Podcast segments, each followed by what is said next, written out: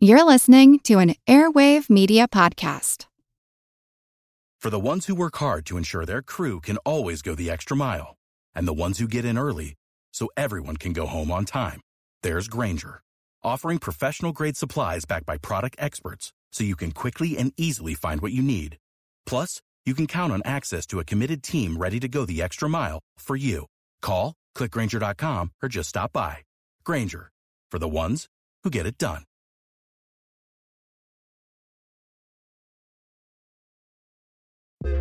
The world is constantly changing and transforming. Cut through some of the noise with What's New with Wired, a podcast that goes in depth on the latest news and technology and culture. Their award winning journalism will help you make sense of what's happening in the world. Listen to What's New with Wired wherever you get your podcasts. That's What's New with Wired wherever you get your podcasts. This is Kick Ass Politics. I'm Ben Mathis. If you're listening for the first time, this is a preview station for Kick Ass Politics where I put up a few sample episodes for you to check out. I hope you enjoy this episode, and if you like it, then I encourage you to go to our main program at Kick Ass Politics and subscribe to the show. There are a lot more episodes there. Just search for Kick Ass Politics on iTunes, or if you go to the information page for this episode on iTunes, there's a link right there to subscribe to the main show. Also, feel free to check out our webpage at kickasspolitics.com, where you'll find show notes, book recommendations, and all kinds of extras. I'm Ben Mathis, and I hope you enjoy this preview of Kick Ass Politics.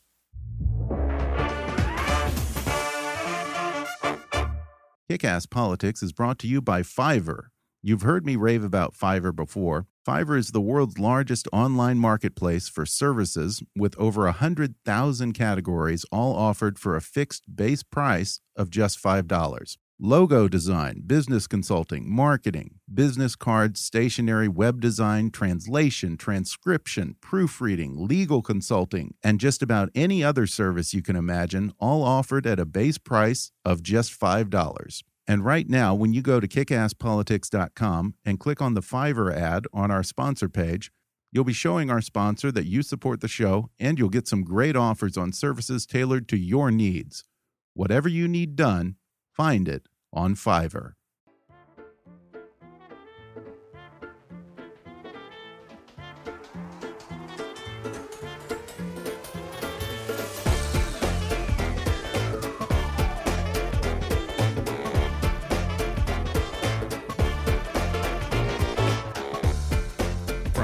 Hollywood to Washington, it's time for Kick Ass Politics. And now here's your host, Ben Mathis. Hi, folks. In the last episode, we talked about the living nightmare that is civil asset forfeiture. It's a little known but widely abused policy that allows the feds and local law enforcement to seize anything from cash in your wallet to your car or even your home or your business, even without ever charging you with a crime. All they have to do is say that they suspect that those assets were somehow involved in a crime, and then you have to spend a fortune on lawyers' fees and go to court just to get your own property back. Well, I've got news for you, folks. Believe it or not, it can even get much worse. Just ask Terry Dehko. He's an immigrant who fled Saddam Hussein's Iraq 35 years ago to escape religious persecution as a Christian. He came to America and ran a grocery store in Fraser, Michigan, and for 35 years, Terry believed that he was living the American dream until one day the IRS showed up and tried to take away everything he had worked so hard for. I've been here working in this grocery store 35 years. I was sitting in my desk and two people knocked in my door's office. One of them showed me the badge. I said, What can I do for you, ma'am? He said, Well, we just seized your money from the bank. I said, What do you mean you eat my money from the bank? He said, We took all the money you have in the bank, we took it. We took it off. Your account now shows zero zero. And the secretary was by the computer. I said, Seema, look at our account. She looked at the account and she said, Boss, we have zero zero zero in our account. I said, God, wow, how you can do that? Over $35,000 vanished from Terry Dehko's account just like that. Terry had run into a particularly egregious area of civil asset forfeiture, in which the feds and the IRS are cleaning out the bank accounts of innocent Americans simply on the grounds that the account holders have made too many cash deposits under $10,000. An everyday practice for hundreds of thousands of small business owners that's perfectly legal. For Terry Dehko, it was the beginning of a nightmare that lasted nearly a year. I said, ma'am, how we can do that? Money is not belong to us. These monies belong to suppliers. We had checks given away to the supplier of this. He said, we don't care. Do whatever you want to do. This is my card. He left, and I called a lawyer. And my lawyer mailed them letters. They said, in 30 days, we should give the money back. So we waited 30 days, no answer. And after that, he said, we'll give you 20% back. We call it even, we close the case, and you don't have nothing to do with us. I said, no, no, no, no, no, no. It's my money. How are you going to negotiate with that? We live in a free country. I said, I will fight it till last drop I have. Terry Dehko turned to the Institute for Justice, a nonprofit civil liberties law firm dedicated to protecting private property, economic liberty, freedom of speech, and school choice. The Institute has represented a number of forfeiture victims pro bono. Here's Robert Johnson, an attorney with the Institute.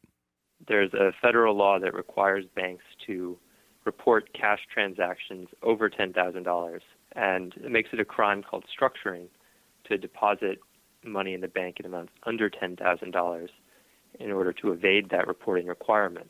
Terry had his money taken by the government because he was depositing money in the bank in amounts under $10,000. And the government looked at that practice and, based solely on the fact that he was depositing money in these amounts, it decided that he was structuring. As Rob Johnson explains, there are plenty of legitimate reasons for individuals and business owners to make regular cash deposits under $10,000. But the feds have very little interest in discerning between legitimate transactions and actual structuring. Uh, in Terry's case, he actually did have an insurance policy that only covered up to $10,000 of cash. And so whenever he got up to around $10,000 of cash on the premises, he would take it to the bank and he would deposit it. The government made no effort to determine if there was some legitimate business justification for what he was doing, which there was. Uh, and it took his entire bank account and then it held it, and it forced him to uh, litigate to get the property back. Terry eventually got his money back, but the whole ordeal took its toll. After 35 years, Terry Dehko gave up and closed his market for good. What happened? I've been here, operated this business for 34 years, 35 years. Never happened anything like that. Coke, even the bread man refused me for credit. They don't want to give me any any merchandise like they used to be week to week. We are business people. We doing good for country. We hire people. I used to love this job. Now I'm telling you, I just want to give the key away and leave. They make me hate it now. But if you think that's bad, Wait till you hear of the story of Mitch, Richard, and Jeffrey Hirsch, three brothers from Long Island, New York, whose company, Bi County Distributors, got slapped with a civil asset forfeiture. Rob Johnson of the Institute for Justice was their lawyer. The Hirsch brothers had their entire bank account seized, almost half a million dollars, and then the government held their account for over two and a half years and didn't even give them a hearing before a judge at which they could present evidence of their own innocence. And in the meantime, the government would come up to them with what are, um, you know, technically might be called settlement offers, but some would characterize as extortion, where the government would say, we'd be happy to give you half of the money back as long as you agreed not to fight us and to let us keep the rest of it. And in that time, they never filed a forfeiture action. Jeff was he's just an ordinary businessman who had done nothing wrong other than deposit his own hard-earned cash in the bank. And they realized that Jeff wasn't going to roll over, that he was going to fight, and that he was going to make them take their case to court. And I think they realized at the end of the day, they either could not prove their case or did not want to bring their case before a judge. And so after almost three years, of holding the property, they turned around and they gave it all back and they walked away. And just to be clear, it's not against the law to make cash deposits under $10,000. In fact, millions of Americans do it all the time. As Rob Johnson points out, there are plenty of legitimate reasons to make these types of cash deposits that have nothing to do with structuring or evading taxes. People have all kinds of reasons to deposit money in the bank uh, in amounts under $10,000. For instance, they may have an insurance policy that only covers up to $10,000 in cash. Or in many instances, bank tellers actually tell customers that they will avoid red tape and simply make life easier for the bank and for everybody involved if they limit the size of their deposits. The Hirsch brothers had several banks over the years close their accounts because they were depositing cash in amounts over $10,000. Banks don't like filling out the reports that they're required to submit to the government because it's just a lot of paperwork for them. So the Hirsch brothers actually their accountant advised them that if they kept their deposits under 10,000, that would make it less likely that banks would close their accounts in the future. And if you think these are isolated incidents, think again. Structuring cases have become a cash cow for the IRS. Over a period of seven years, between 2005 and 2012, the government seized uh, $242 million under the structuring laws. Um, in 2012 alone, there were 639 seizures. So we are talking about a large number of cases. I asked Rob Johnson how a structuring victim supposed to hire a lawyer and mount an effective defense when all of his resources have been taken away. That is absolutely an issue in structuring cases. People have their money is taken and then they have to go out and they have to get a lawyer in order to fight to get the money back. Not just that, but it can cost much more to litigate a structuring case than the amount of property that may actually be at issue half of all seizures are under about $30,000, you know, which is a lot of money. But when you're talking about the hourly rate of an attorney to actually litigate an entire structuring case all the way from start to finish would be much more than that. So at that point, what people end up doing is they end up settling with the government and agreeing to forfeit half or even more of the property because they simply can't afford to fight and this is something they do on purpose. The government's policy manual states that it's the government's policy to settle as many of these cases out of court as possible. And so they will take the money and then they will offer to give it back for some portion of it. And for most people who don't have the benefit of free legal representation from an organization like the Institute for Justice, it's simply not practical for them to fight, so they end up giving up their money. That's right they ended up giving up their money. Well, in a moment, we'll be back to talk more with Rob Johnson about an aspect of the Hirsch brothers case that has far reaching ramifications for all Americans. And I'll talk more with Rob and with Roger Pilon of the Cato Institute about the future of civil asset forfeiture and what's being done to control it. We'll be back after the break.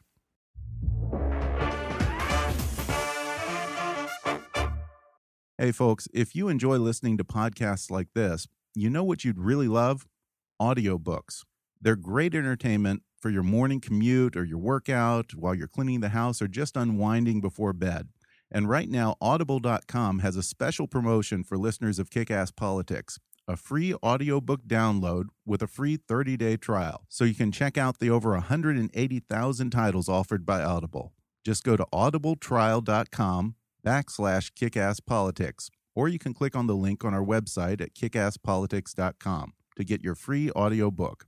And if you like what we're doing here at Kickass Politics and you want to help keep us on the air, then please show your support for the show and make a donation by going to our GoFundMe campaign at gofundme.com backslash kickasspolitics. That's G-O-F-U-N-D-M-E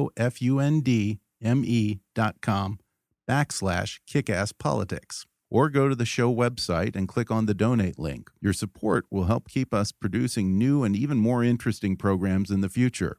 That's gofundme.com backslash kickasspolitics. I appreciate your encouragement and support. Welcome back. In the first part of the show, Rob Johnson of the Institute for Justice talked about the case of the Hirsch brothers in Long Island who had $446,000 taken from their bank account under U.S. civil asset forfeiture laws. Their case drug on from 2012 until late January of this year, when the Justice Department suddenly and mysteriously dropped the structuring case and returned the Hirsch brothers' money. Now, I suppose it's always possible that the feds just suddenly decided to grow a heart and do the right thing, but once I started connecting the dots, I realized that the sudden dropping of the case against the Hirsch brothers probably had way more to do with politics than with altruism. You see, the person in charge of prosecuting the Hirsch brothers case was the U.S. Attorney for the Eastern District of New York, Loretta E. Lynch. Now, if that name sounds familiar, you might recognize it because she is currently President Obama's nominee to replace Eric Holder as U.S. Attorney General. After two and a half years, the structuring case against the Hirsch brothers was suddenly dropped in late January, just weeks after Obama announced Lynch's nomination. You'll forgive my cynicism, but it reeks of a nominee frantically rushing to clean up her record ahead of what's expected to be a difficult Senate hearing. I asked Rob Johnson of the Institute for Justice if my theory was so far fetched. Here's what he said I, I think that may have had something to do with it as well. Uh, um, you know, I think that it's certainly possible that Lynch's confirmation hearing was part of the calculation in the Hirsch brothers case. It's always a concern when officials in the government ignore the problems with civil forfeiture. And I think statements that Loretta Lynch made at her confirmation hearing, many of them were very distressing. I think she called civil forfeiture a wonderful tool. I would say a wonderful tool to do what? Well, let's look at the record of the woman that the Wall Street Journal has branded, quote, an enthusiastic grabber of private assets. During her tenure as the U.S. Attorney for the Eastern District of New York, Loretta Lynch has turned civil asset forfeiture cases into a cash cow for her department. Just between 2011 and 2013, Lynch's office pursued 123 civil asset forfeiture cases, seizing a total of $113 million in money and assets. And that's just for the Eastern District of New York. But as Roger Pilon of the Cato Institute points out, it could come back to haunt Loretta Lynch. That's one of the main reasons, not the only reason, but one of the main reasons that her confirmation is sitting there, or her nomination is sitting there. She has yet to be confirmed. And uh, um, this is something that. Um, now, Holder did say that uh, he's interested in further reforms. Indeed, in January, Eric Holder ended the Justice Department's policy of so called adoption cases, in which local law enforcement can circumvent their own state laws and team up directly with federal agencies to seize assets. As Roger points out, Holder's decision is progress, but very limited progress. This uh, has been uh, addressed just recently by Attorney General Eric Holder, but it is a very small part of the overall forfeiture picture, this kind of uh, go around the adoption uh, by the federal government of state forfeiture actions. And in fact, it doesn't even apply to joint federal state operations. So uh, this reform is just uh, a small part of the reform that needs to be done in this area of the law. And the fact is, Attorney General Holder's directive on forfeiture adoptions is merely a change in department policy. It's not an actual law, which means it's basically non binding, and it's enforced entirely at the discretion of the sitting Attorney General. At any point, Holder or any subsequent Attorney General can simply decide to reverse this department policy. And given her record, I wouldn't count on Loretta Lynch to come to the rescue of forfeiture victims. Which means, as of right now, Americans have no real protections at the federal level to safeguard them against abusive forfeiture claims. But there's a little bit of light at the end of the tunnel. In January 2015, Senator Rand Paul and Congressman Tim Walberg introduced legislation to radically reform civil asset forfeiture laws. It's called the FAIR Act. That stands for First Amendment Integrity and Restoration Act. Among other things, it would permanently abolish federal forfeiture adoptions, and it would order that all seized assets go into the general fund instead of individual departments' funds to eliminate the so called policing for profit incentive. It would also raise the standard of proof in seizure cases from probable cause to a preponderance of evidence. And in structuring cases like Terry Dehko's, the feds would have to prove that the bank account holder knowingly tried to avoid reporting to the IRS. And it would also require a hearing within 14 days of the seizure. I asked Roger Pilon of the Cato Institute if the FAIR Act goes far enough to protect Americans from forfeiture abuse. Oh, yes, it, it, moves very much in the right direction, but there is more that needs to be. In the, it doesn't get rid of the facilitation doctrine, for example. That is the core of the matter. matter. The idea that the quote property is guilty. That that has to go, and I'm not clear that that does in this act. So far as I know, it doesn't. But there, I can recommend several reforms. First of all, all of this should be a function of the criminal law, not the civil law uh, except in very rare cases. In other words, if you're going to seize a person's property, you've got to have a reason to do it. And if it's criminal asset forfeiture, then he's got to be proven guilty of a crime. And um, uh, the, any assets he has uh, should be available to him to defend himself, because otherwise, if they seize all his assets, he's got nothing left to defend himself.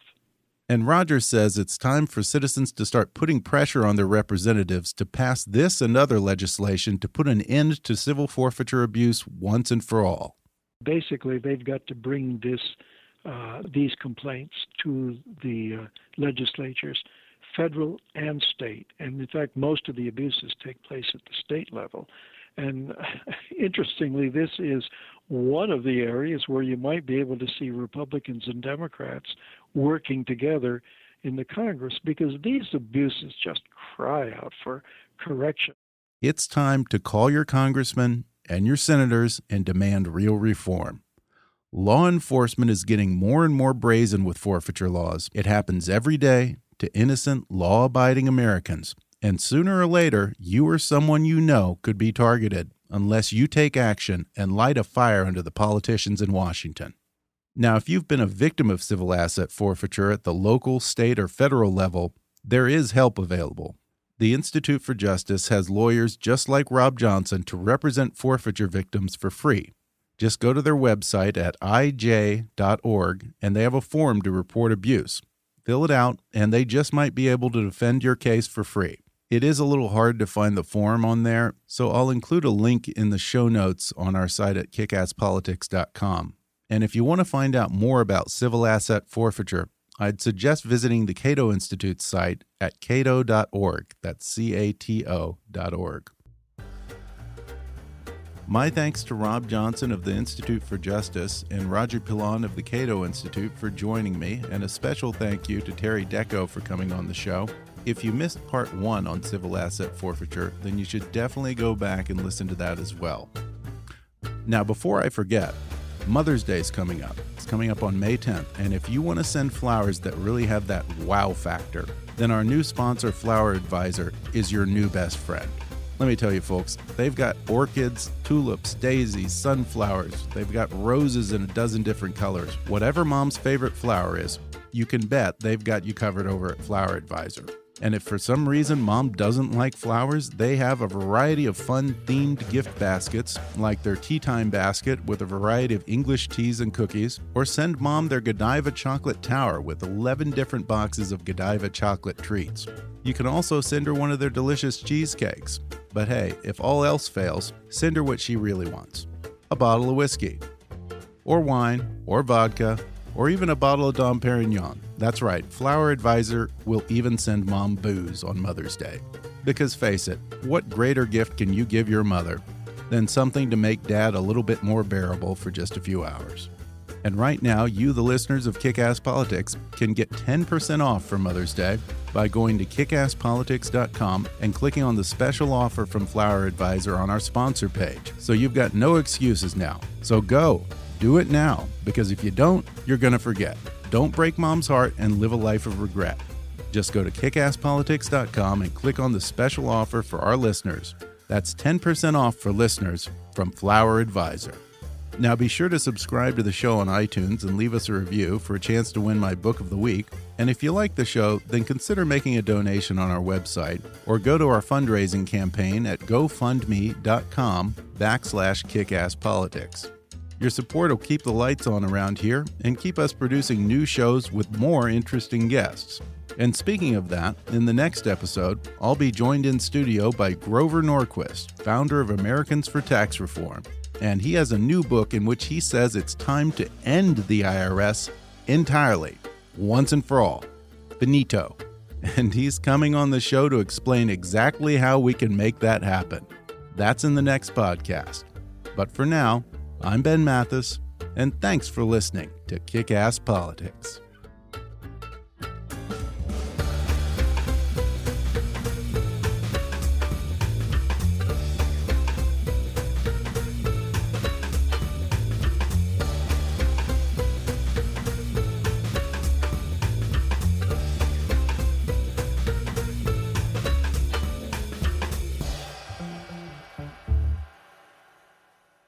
Politics is a trademark of Mathis Entertainment, Inc.